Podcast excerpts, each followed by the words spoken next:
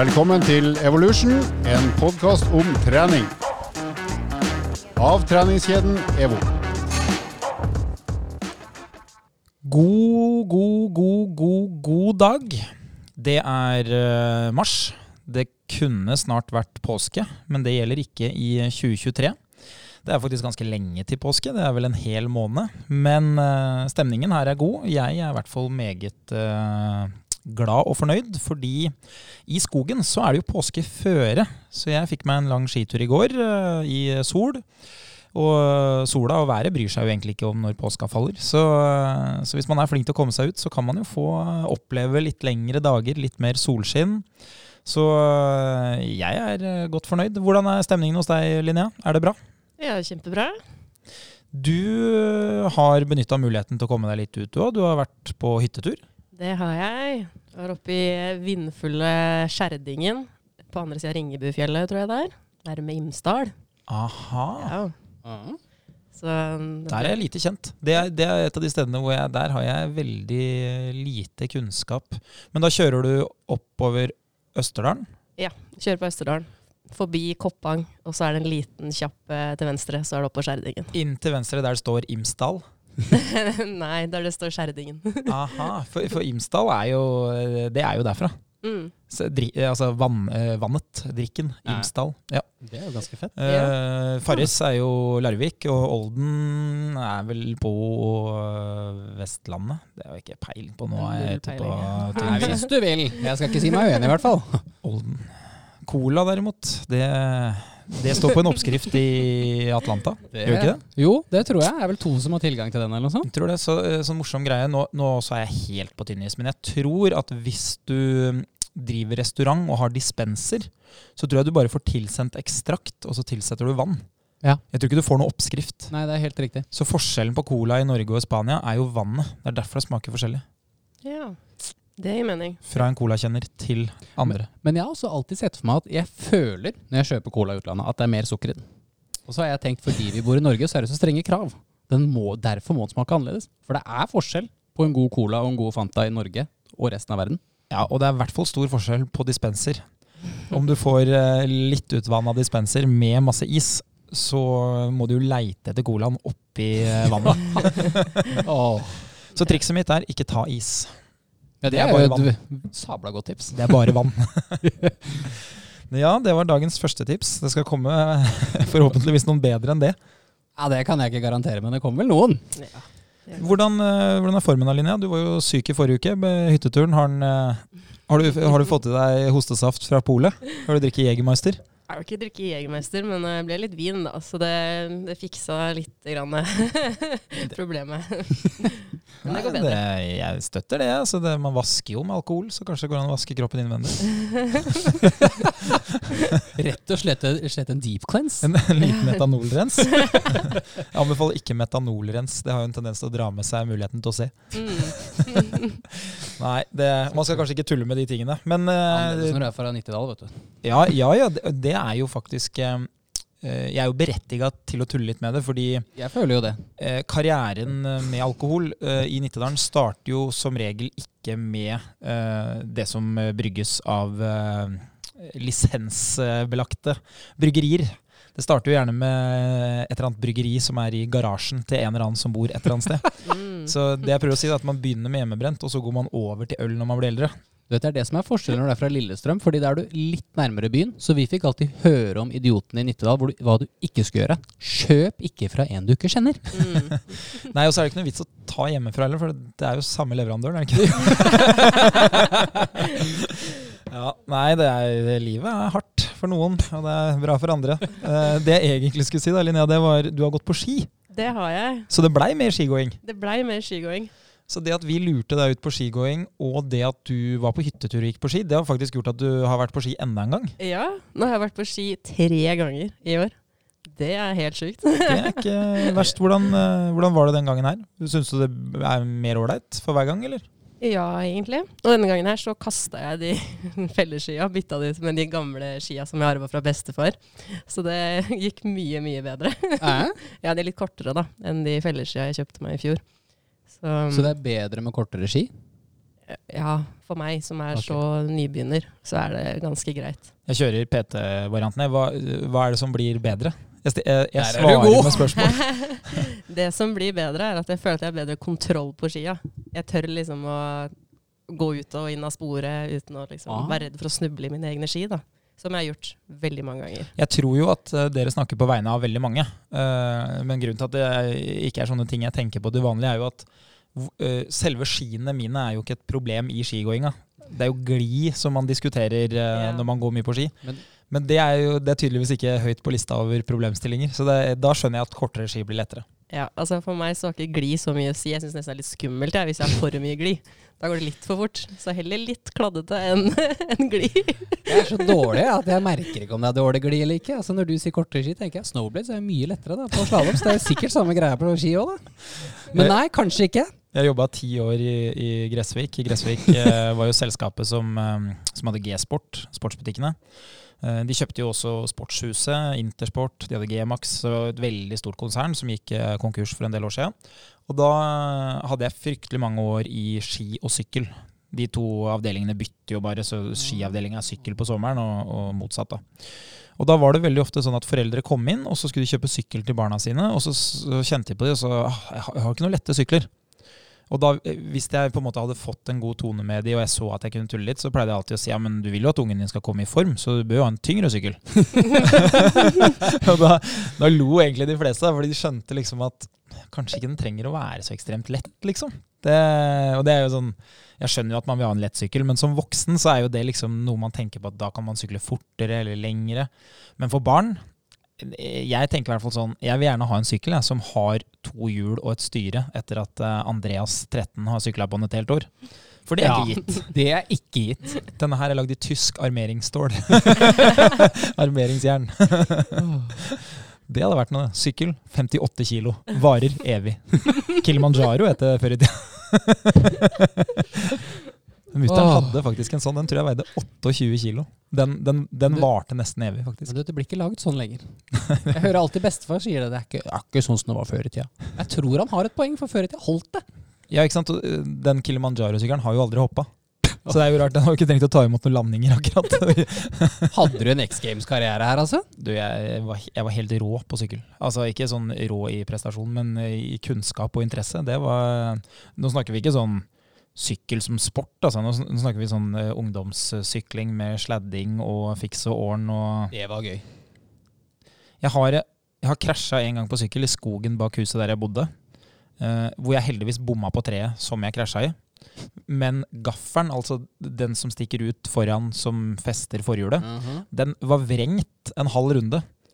Sånn at uh, eikene eh, Jeg vet ikke hvordan jeg skal beskrive det, men du liksom eh, Hvis du tenker deg at du hadde tatt tak i forhjulet, da, eh, der hvor forhjulet er festa i eh, selve sykkelen, og så hadde du bare vrengt det en halv runde, sånn at det som er inn, er ut. Da skjønner du at de eikene som er i hjulet, de, de ser ikke sånn ut da. Var det en Kilimanjaro-sykkel? Eh, Nei, det, hadde det vært det, så hadde jo treet ligget der. Ja, var det jeg tenkte. Jeg bare, nå må jeg bare sjekke. Og da, da husker jeg, da, da ble fatter'n ganske sur. Uh, og så uh, tror jeg også det gikk opp for foreldrene mine at uh, det var jo det var jo bra det ikke skjedde noe med meg. Så nei, den var, det vrengte den faktisk, så lakken datt av og sånn. Så det, Det er sterkt. det, det var min sykkelkarriere. Eh, der tok den slutt. Eh, Men eh, du, du er friskere nå, Linja. Det var egentlig det var der vi hoppa av i stad. Ja, jeg er friskere. Litt eh, slim igjen, men eh, det er bra. Ellers bra. Det er good. Mm. Jeg òg gikk jo fra vondt i ryggen til å bli syk, og nå har jeg jo endelig blitt frisk igjen. Så nå, nå kjenner jeg at eh, nå begynner det å bli mulig å løpe litt. Og det er egentlig en nydelig radioovergang til eh, løpe litt, eh, Sindre. Ja, du snakker om løpe litt, jeg er ferdig med litt. Det er jo way, nå er jeg på toppnivå. Det har jeg jo sagt til dere nå før vi gikk inn døra her, at eh, det er jo nye tider. Ja, nye tider er det sannelig, fordi eh, hva starta du dagen med? Nei, altså til alle der ute. Jeg løper jo da som eh, alle de gode løpe... Altså, jeg er jo nå i klubben hvor jeg anser meg selv som en løper. Eh, og det er fordi jeg har nå løpt min første mil i hele mitt liv. Du har løpt én mil, eh, og når vi spiller inn det her, så har vi akkurat passert lunsj. Og du har jo vært på jobb en stund, så det gjorde du da før jobb i dag. Stemmer. Eh, En erfaring jeg har, er at første gangen man gjør noe sånt, som er liksom mye mer enn det man har gjort før, så føles det veldig sånn overveldende i opplevelse? Altså ikke, jeg snakker ikke om sånn Du gråt ikke på tredemølla i dag, men en mil var jo ganske mye lenger enn du kanskje hadde sett for deg. Uh, når jeg kom på fem, så tenkte jeg at eh, nå er vi halvveis, ja. Det er jo egentlig det lengste jeg har pleid å løpe, så det, dette skal bli moro. Og da dukka jo du opp på sida her. Ja, jeg eh, hadde barnehagelevering, så jeg kom inn ca. halvveis i eh, økta i dag. Og jeg skjønte jo at du hadde begitt deg ut på et, eh, på et prosjekt. Men det er jo spennende å se at du blir jo stadig litt bedre til å løpe. Og det virker jo på meg da, som at du syns det er litt morsommere hver gang òg. Ja, jeg tuller jo mye om det, og det er jo fordi, til dere som ikke vet, det er jo som jeg har nevnt i noen tidligere episoder, at jeg er jo ikke noe glad i å løpe. Og som en som har drevet med ballsport, og da basketball, så går det sjeldent over to kilometer på kamp. Det går veldig intenst.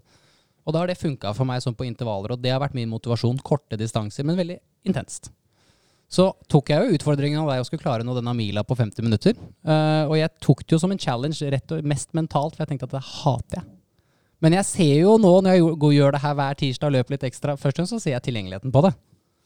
Men så får jeg jo noen gode effekter her, da. Både fysisk, men også litt, sånn, litt mentalt. Man føler seg veldig mye klarere. Så det var jo deilig å starte dagen med en løpetur.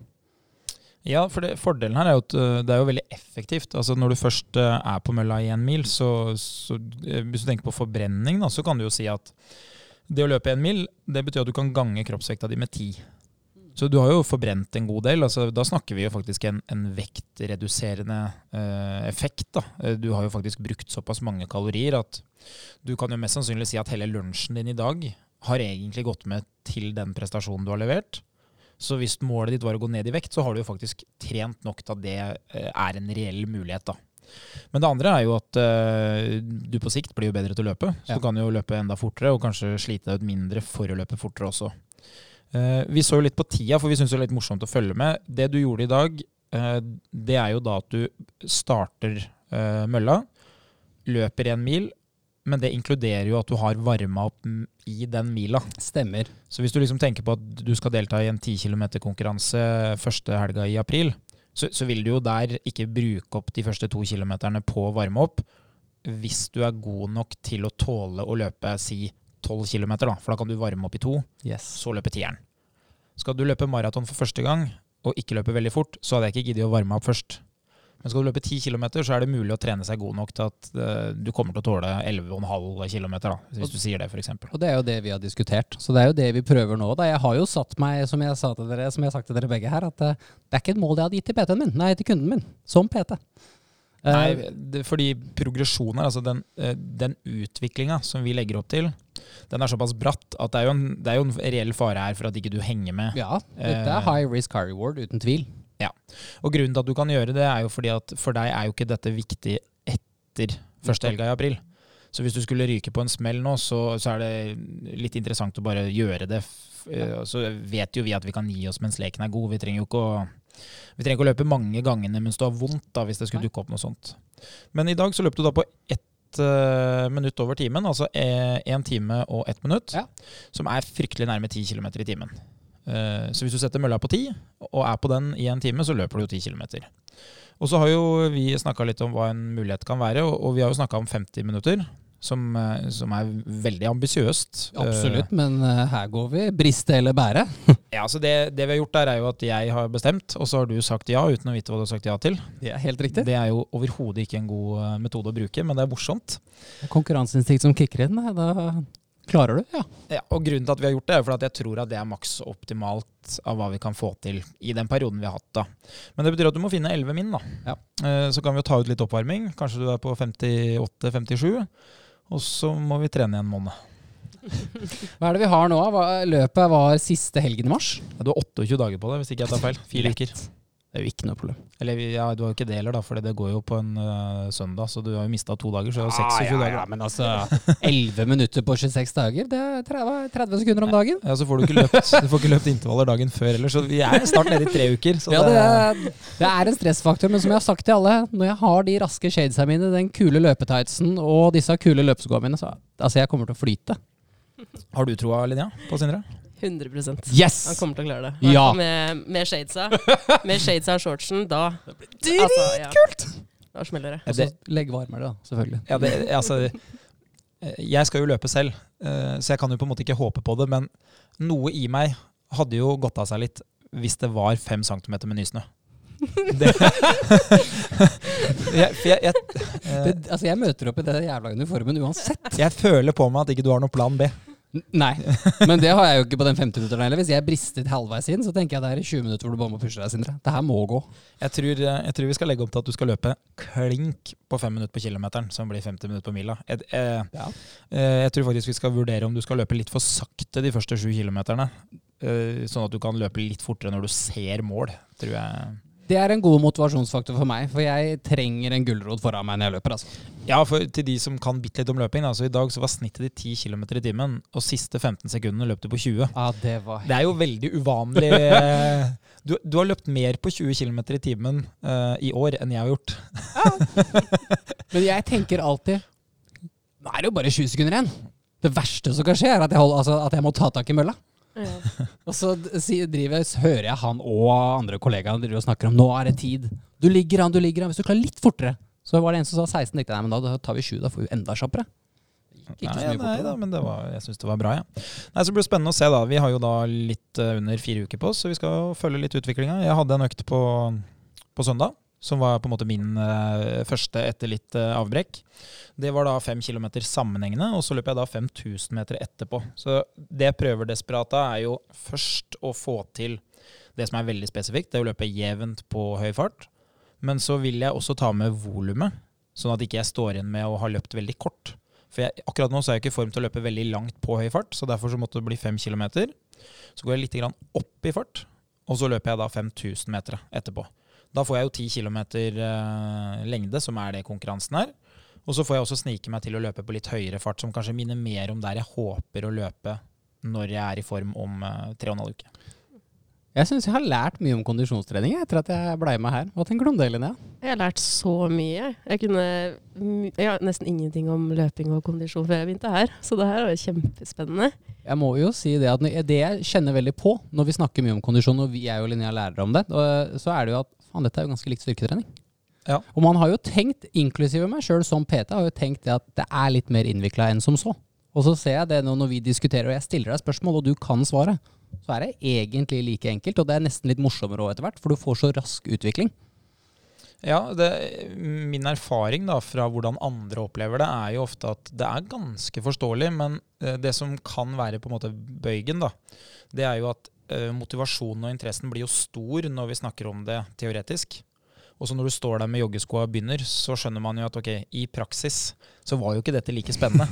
Mens i styrketrening så er det jo for veldig mange ganske nytt, som gjør at eh, om det ikke er spennende, så er det jo i hvert fall så mange impulser som du eh, må oppleve mens du holder på, at du rekker ikke å tenke så mye på at det var kjipt. Eller så har du funnet et system som funker, som gjør at øh, oppvarmingsserien varer kanskje i 30 sekunder, og så er det litt pause, og så er det 30 nye sekunder, sånn at det blir, det blir veldig oppstykka. Mens i løping så blir det sånn mens du varmer opp, så kjenner du på ubehaget av å være i aktivitet, mens du venter på at det skal bli enda verre. Så det er jo en mental prøvelse som ikke er lik styrketrening. Det er et veldig godt poeng. Men du blir jo veldig mye mer mentalt sterk da, hvis du tåler å stå i det. Det kan jeg skrive under på. Vi skal videre vi, til det vi egentlig skal snakke om, og det har jo ekstremt lite med løping å gjøre. Så vi kan jo si at løping er et tilbakelagt kapittel. Det blir jo spennende å se om det òg gjelder for deg, eh, Sindre. 2. april. Det tror jeg. Det er bursdag tredje, og da skal ikke jeg på noe tredemølle, for å si det sånn. Jeg spår jo at eh, når du kommer i mål der, så kommer du også til å ha lyst til å stille til høsten. For vi sponser jo to løp. Vi sponser jo en 10 km i Drammen, og det blir et halvmaraton på høsten. Det kommer nå! Det Så- har jeg aldri hørt om det andre sponsorløpet før nå. Nei, men det, den, den tid, den sorg. Vi må jo se om vi har eh, bein å løpe på når vi kommer dit. Er en god PT. Vi, eh, vi får se. Men jeg spår at det fort eh, blir av interesse. For da plutselig begynner du å kjenne på gleden av lengden, ikke tida. For da, da begynner konkurransen i seg selv å bli så lang at prestasjonen av å fullføre uh, er mer enn nok gevinst når du går i mål, da. Men det kan vi eh, snakke mer om en annen gang. Nå skal vi snakke om eh, styrketrening. Og styrketrening av eh, armene, nærmere bestemt baksida av arma, som det egentlig heter, men da må du stå foran når du ser. ikke sant? Hvis, ikke så, hvis du hadde stått bak, så er det forsida. Så for å gjøre det litt enklere da, for de som hører på, så snakker vi da om det som heter triceps, eller på norsk noe så fancy som armstrekker. et eller annet i meg liker de norske betegnelsene. Hater de. Syns de er fine, jeg. Søte. Ja, for, for du Linnea, du er, jo, du er jo yngre enn meg. Du er jo, kan jo si at du er litt hippere enn meg òg. Så du, du bruker jo litt sånne engelske uttrykk om eh, styrkeøvelser, som er litt mer kanskje dagligtale på treningssenter. Ja. Mens jeg er jo en dinosaur. Mm. Eh, baksida av arma og armstrekker er kanskje ikke det Det er ikke det man snakker om i ungdomsmiljøene. Nei, Jeg tror jeg aldri har sagt det før. jeg. Armstrekker. Jeg har alltid bare kalt det for triceps. Ikke sant? Mm. Jeg husker jeg fikk en innlæring av det her. Jeg trente et ungdomslag på Oppsal. Og da tok jeg det med på styrketrening, og da forklarte han meg at eh, Å ja, skal vi trene croissanten? Jeg bare? Hva i all verden er det du prater om? Så sier han kan du ikke, kan du ikke treningsfag, Sindre? Så sier jeg ok, men lær meg, gutta. Forklar hva dere mener. Så viser han skulderen. Det er fotballhjelmen. Og jeg bare ok. Og hva med bicepsen da? Det er jo basketballen. Kom igjen, da. Og så er det krossangen som er bak, da. krossangen, faktisk. Det blir ikke bedre. Jeg satt også og tenkte på at uh, den motsatte, da, armbøyeren, bicepsen, altså den man viser fram uh, når man er barn, uh, ser hvor sterk jeg er, eller når voksne, gamle menn skal kjenne hvor sterke barn er, den heter jo ikke biceps engang på treningssenteret. Det heter vel bare guns. Byssan! En, en helt ekstrem historie eh, fra mitt tidligere liv, som er sann.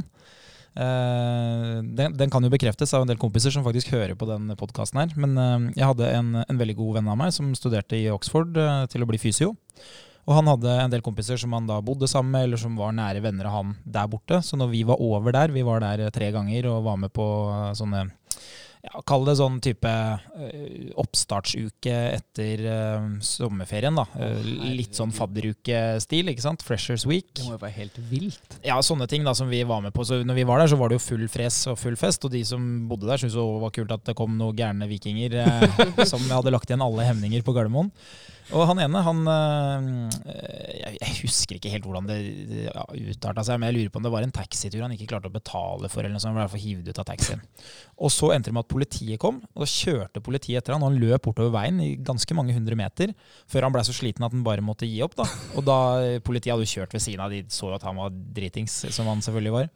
Og da politiet gikk ut, så sa de eh, liksom ja, du må stoppe, da. Og da snudde han seg, og så stramma han begge overarmene. og løfta de og stramma de, så sa han stopp, I got guns. det syns de var morsomt. Men ikke morsommere enn at det ble en natt på deres hotell. Ja ja, men altså, herregud. Og deres hotell eh, anbefales ikke. Der er det dårlig servering og ikke veldig gode senger. Men eh, stopp I got guns, det blei jo da Den er fin. Ja, det, den, den er ikke lett å glemme, den historien. der, Altså. Nei, eh, Vi skal da snakke litt om, eh, om baksida av armene, eller tricepsen. da. Eh, og eh, en ting som jeg har hørt veldig mange ganger eh, på treningssenter når du trener voksne damer, det er jo at de kaller det for grevinneheng.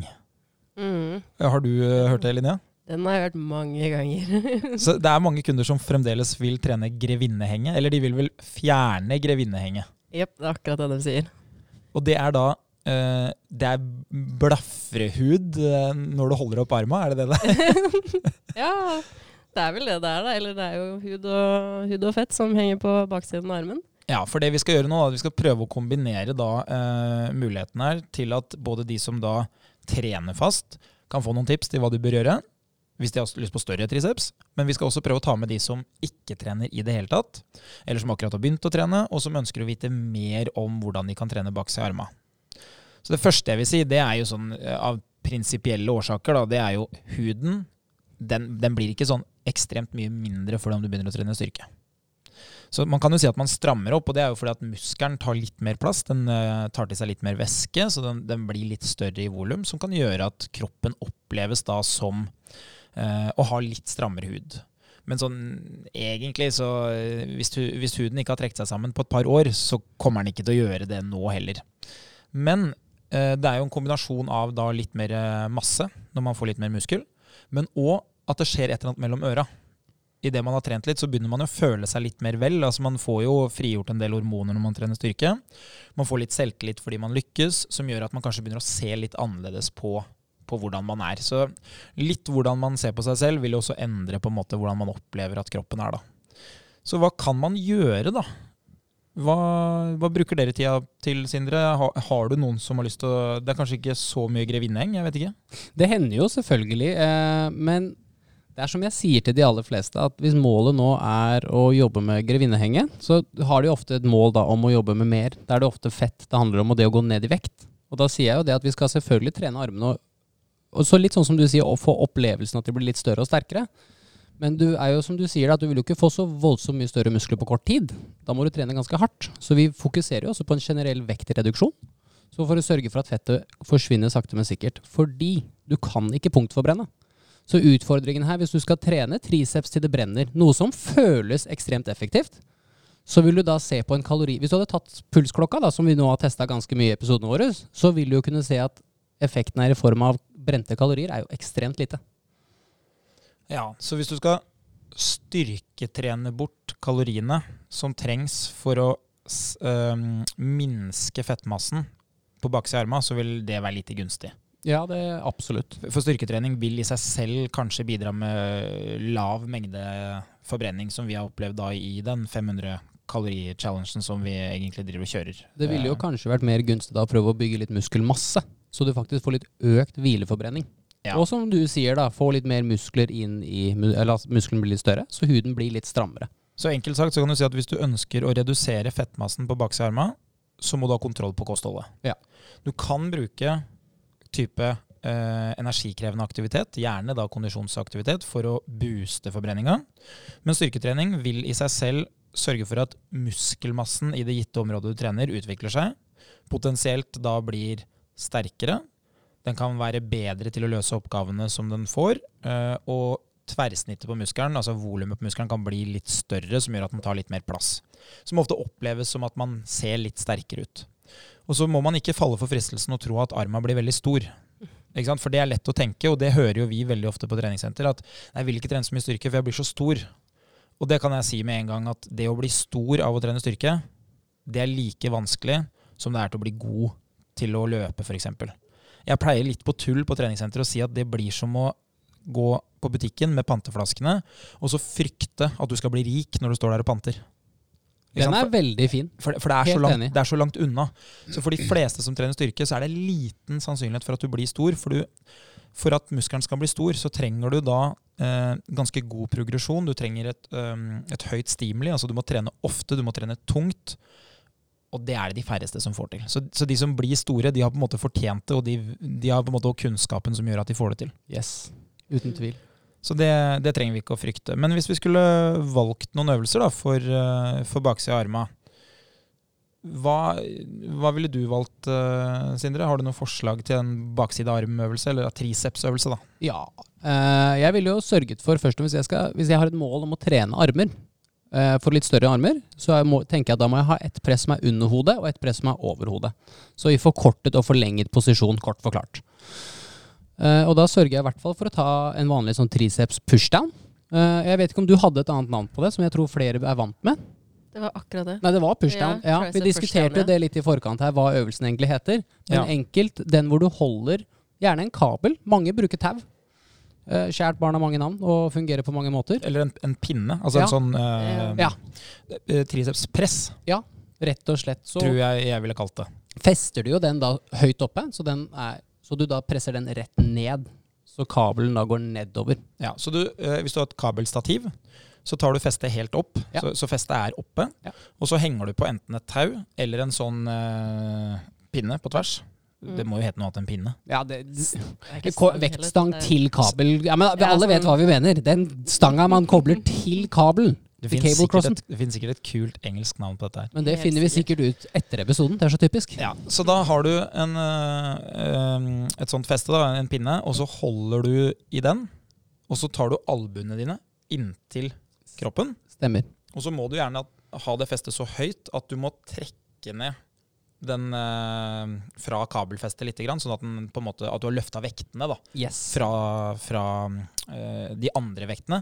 Og så låser du albuene inntil kroppen, og så dytter du helt til arma di er rett. yes. Så da har du noe ned på låret. da. Så du vil dytte den helt til den er rett, og så vil du trekke den bak helt til albuen er låst. Så et fint mål, da, hvis du skulle tenkt på det her nå og prøvd å gjøre det sjøl Håndflaten skal prøve å komme nær skulderen. Da har du låst albueleddet helt, og når du da strekker ut, så får du en full strekk i muskulaturen. Ja, håndbaken. Ja, Ja, ikke sant? ja det er så faktisk Ja. det som er oppå hånda, det skal nesten treffe deg i skuldra. Neva, rett og Ikke sant? Og så eh, er det jo et poeng som er viktig her, og det er at når du dytter ned, så skal albuene være inntil kroppen. Ja. For hvis ikke, hvis albuene får lov å være med ut fra kroppen, da begynner det å ligne på sånn staking på ski. Og da er det plutselig en stor muskel fra ryggen som gjør jobben. Så albuene må, de må stå inntil kroppen. Og det samme gjelder når du begynner å komme opp. Du må ikke la albuene bli med oppover, Yes. for da er det plutselig en helt annen muskel. Og så må du stå rett i hofta, for hvis ikke så er det magen som brukes. Så hvis du lar hofta svinge fram og tilbake, så er det magen som gjør hovedjobben i starten. Vi kan jo kanskje si det med en gang som et tips, uansett hvilken av disse øvelsene du tar. Det er veldig lett å begynne å bruke andre muskelgrupper, og du kan falle for fristelsen av å løfte veldig, veldig tungt. Men det er som du sier, for du bruker en del andre muskelgrupper, og det er derfor det er viktig at du sørger for at vekta er tilpassa det bruket du skal gjøre, så du blir sliten i bakside av arm, og ikke så veldig mange andre muskelgrupper. Ikke sant? Så det jeg har skrevet her, da, det er jo fordelen er at du kan ha høy belastning. Dette er en øvelse jeg har kjørt mye sjøl, så her kan du lesse på, og du får trent baksida av arma veldig veldig godt. Den er veldig isolerende for baksida av arma. Ja. Mm. Egentlig så er det jo, bortsett fra liksom at du støtter opp uh, mage-rygg, så er det jo håndleddet som er den eneste, uh, det, an det eneste andre leddet som virkelig må jobbe her, da. Uh, og så er jo minusen her er jo at eh, det er jo da begge armene som jobber samtidig. Så det er ikke en unilateral øvelse, som vi har snakka om tidligere, som betyr at du splitter opp og, og kjører annenhver arm. Så fordelen er høy belastning. altså Du kan kjøre med veldig mange vekter, eller tungt. da. Du kan, eh, du kan kjøre tunge vekter. Men baksida er at hvis den ene armen er sterkere enn den andre, så vil den hele tida kunne kompensere og hjelpe til. Så det er en fordel kanskje å gjøre den øvelsen her med én og én arm av og til. Enig.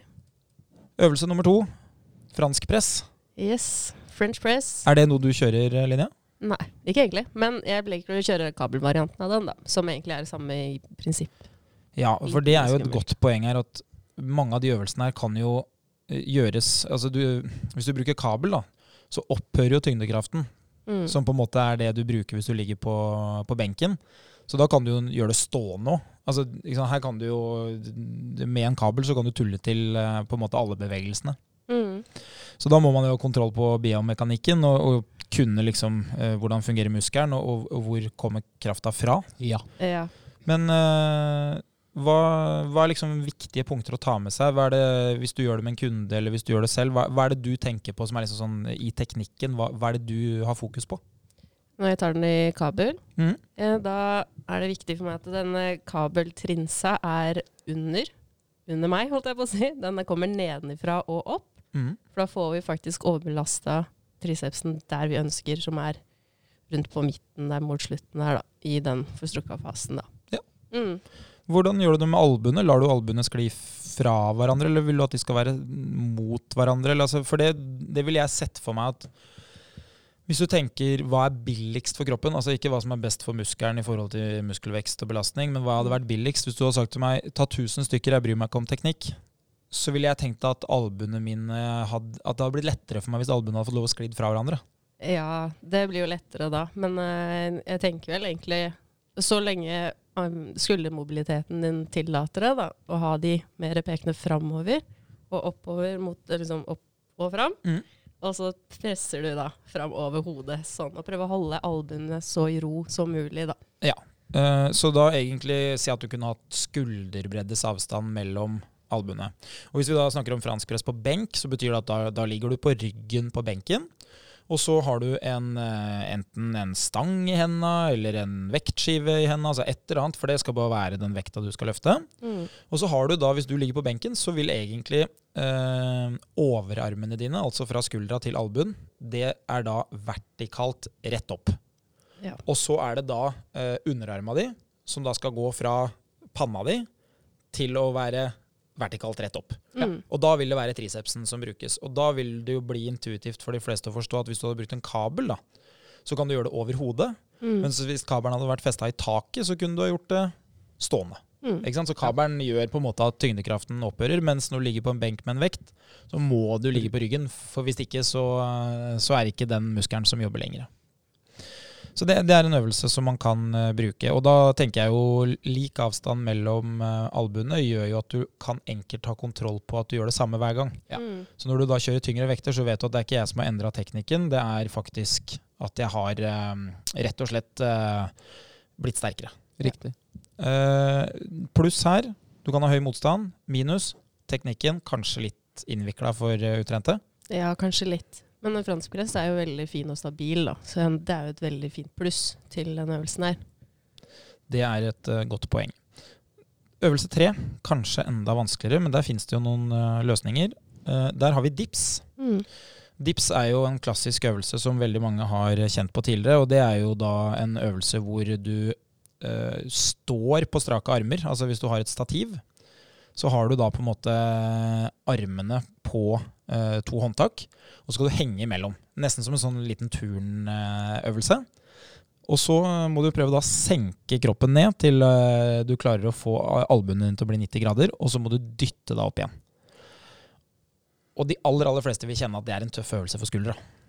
For Mm. én ting er jo at uh, tricepsen din skal rette ut uh, albueleddet, men en annen ting er jo at i skuldra di blir det jo en kjempebevegelse. Så for de som har kjørt mye dips, så er det en kjempefin øvelse. For de som har trøbbel med skuldra, eller kjørte lite, pass på skuldra. Jeg sier jo ofte det. Jeg har jo veldig mange kunder som har lyst til å lære seg dips. Og på Evo Lillestrøm så har vi en såkalt dipsmaskin. Den er ganske stilig, for der kan du sette ut en benk som gjør at du kan legge knærne på den. Og da kan du lære deg vanlig dips, sånn som veldig mange har lyst til. Utfordringen med dips er jo litt som du sier, at man kan falle for fristelsen å gå så dypt man bare kan. For tyngdekraften vil jo presse hele vekten ned på skulderleddet, eller ja, ned på skulderleddet, og strekke det veldig. Og hvis du da ikke er myk, så er det jo veldig lett å få en overbelastning. Så jeg sier jo ofte det til kundene med at vi starter i 90 grader. Og da pleier jeg å holde hånden like ved skulderleddet, så jeg ser det at når vi kommer i 90 grader, så langt at ikke, de ikke opplever at det strekker voldsomt. Så der går, på, der går vi ofte på feeling, hvor jeg stiller spørsmålet føler du at det strekker veldig nå. Ja. Nei, da går vi ikke så dypt. Så må vi bygge opp toleranse over tid. Hvis vi skal se på plusser og minuser her, da. Plussen, du får brukt brystet.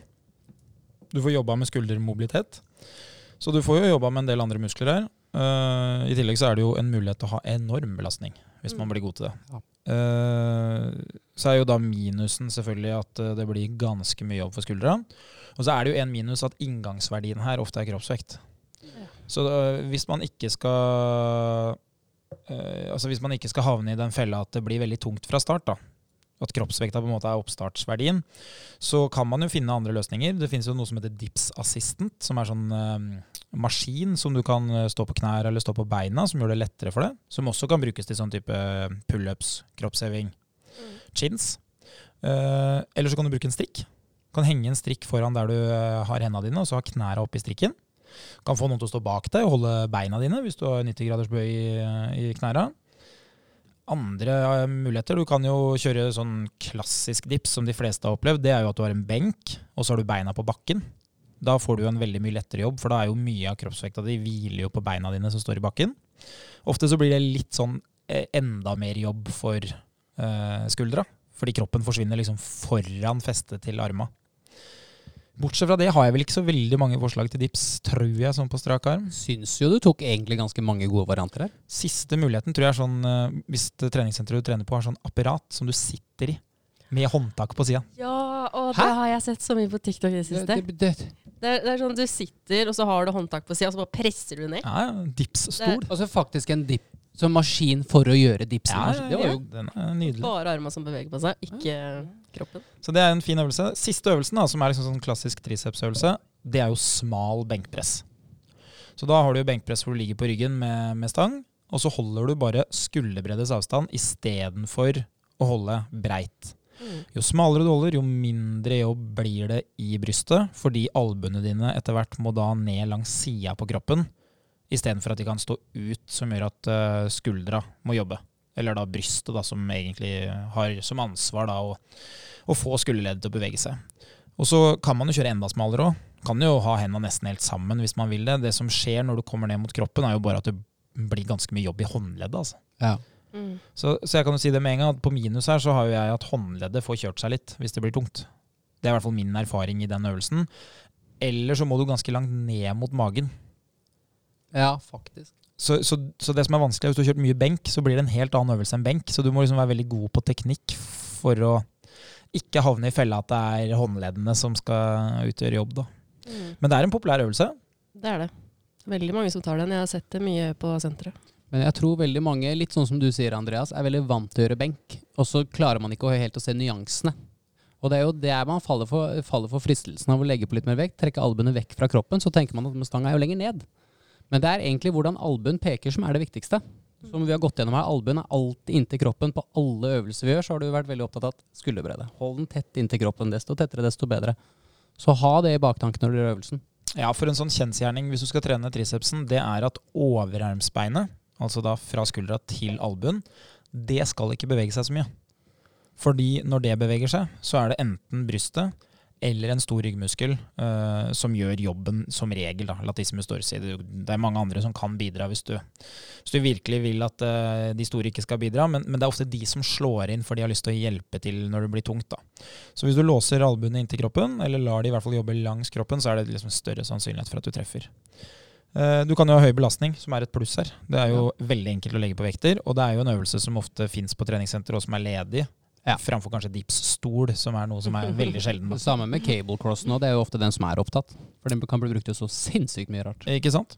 Så da har vi egentlig fire gode øvelser for uh, grevinneheng. Uh, da, hvis jeg skal skrive ut en resept på grevinneheng, så anbefaler jeg å gjøre det her én til to ganger i uka.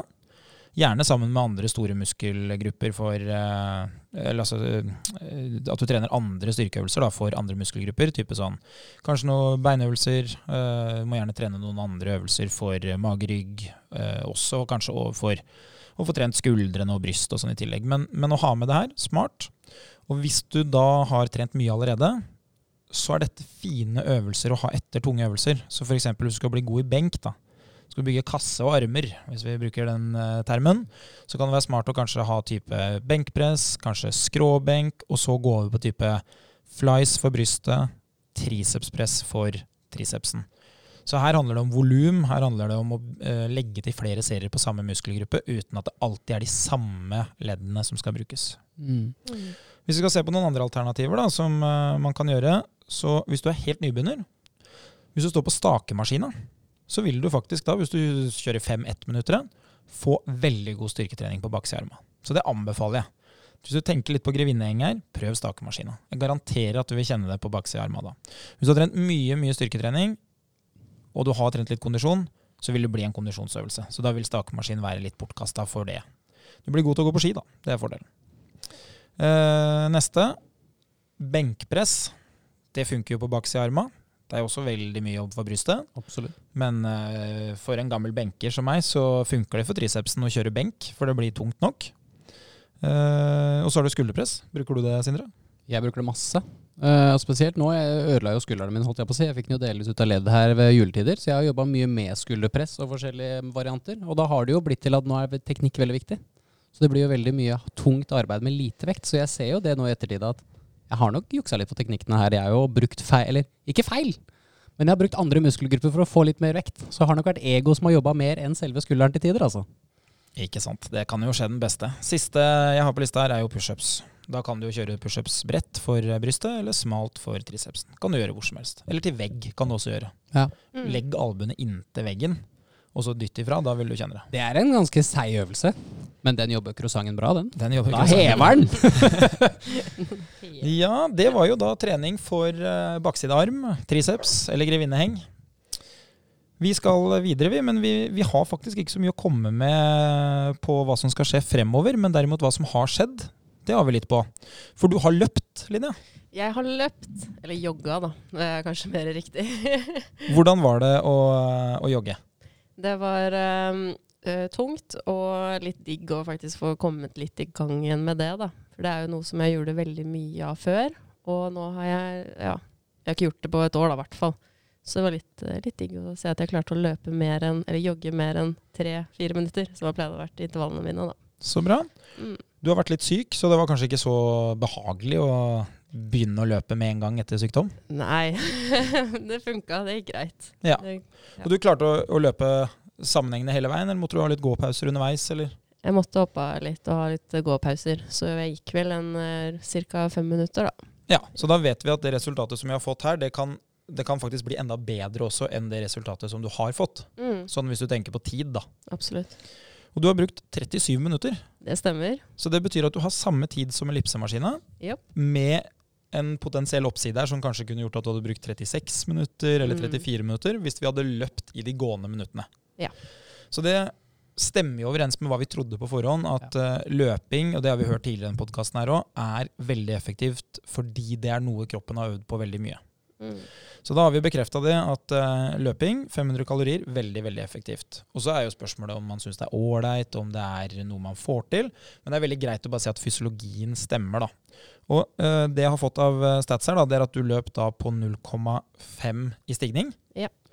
Eh, og der vil det jo være sånn at hvis du har satt på mer stigning, så vil det jo bli mer intensivt. Mm. Men du kunne jo også bare løpt fortere.